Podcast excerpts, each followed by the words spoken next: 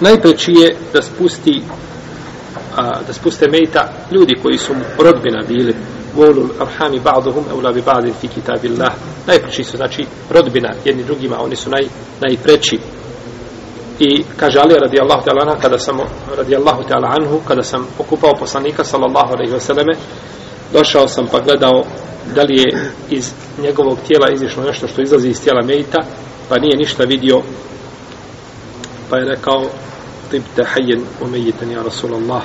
Kaže a, bio si čist a, a, Allahom poslaniče i živ i mrtav a zna se da su to činili Alija i Abbas i Al-Fadl i da je to činio Saleh a, a, sluga poslanika sallallahu alaihi wa sallam.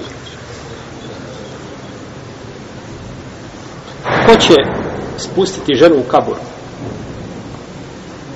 Spustit će njena rodbina samo mu, jel, muškarci koji su bili mahremi zbog općenitosti prethodnog ajeta wa ulul rahami ba'duhum eula bi ba'd i zbog toga što je Omar radijallahu ta'ala anhu kada je klanjao dženazu Zainab bintu Džahš poslao je ženama poslanika sallallahu da upita ko će je spustiti u kabor pa su kazale onaj ko je ulazio kod nje dok je bio dok je bila živa ko je mogao ući kod nje od njene rodbine od mahrema znači trajni njoj mahrema Ajša radijallahu ta'ala anha kada je preselio poslanik sallallahu ulazila je u sobu svoju gdje je kabur poslanika sallallahu alejhi ve selleme bez mahreme Pa i kada je Bubekr ukupan, opet je ulazila. Kada je ukupan Omar, onda nije ulazila nego sa hijabom potpunim šarijetskim.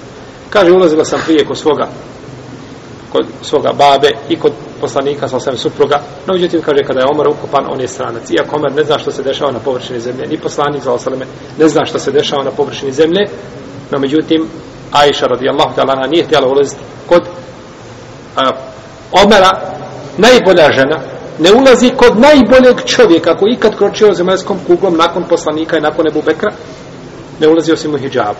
Pa šta onda kazati ovaj za druge mimo, mimo njih?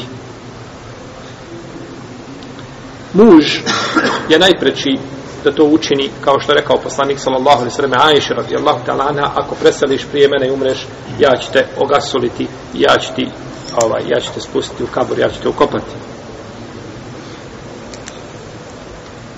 čovjek koji ukopava žensku osobu ili silazi u kabor da je spusta u kabor ne treba ili nije ovaj, dozvoljeno da to čini čovjek koji je prethodne večer imao odnos sa ženom ako je čovjek imao naveće odnos sa ženom bez obzira što je okupao se ne treba nakon toga da silazi u kabur, da spušta ženu u kabur, zbog toga što je poslanik sallallahu alaihi vseleme a kada je ukopavao svoju kćerku kaže se u jednoj predaji da je to bila Rukaja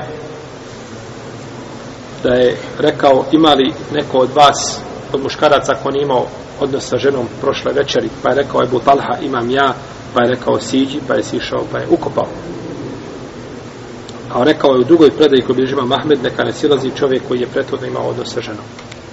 Pa znači ako je čovjek imao odnos sa ženom i nakon toga da se desi da ukopava e, najbližu svoju osobu neće on silaziti u kapur neka to čini, neka to čini neko drugi.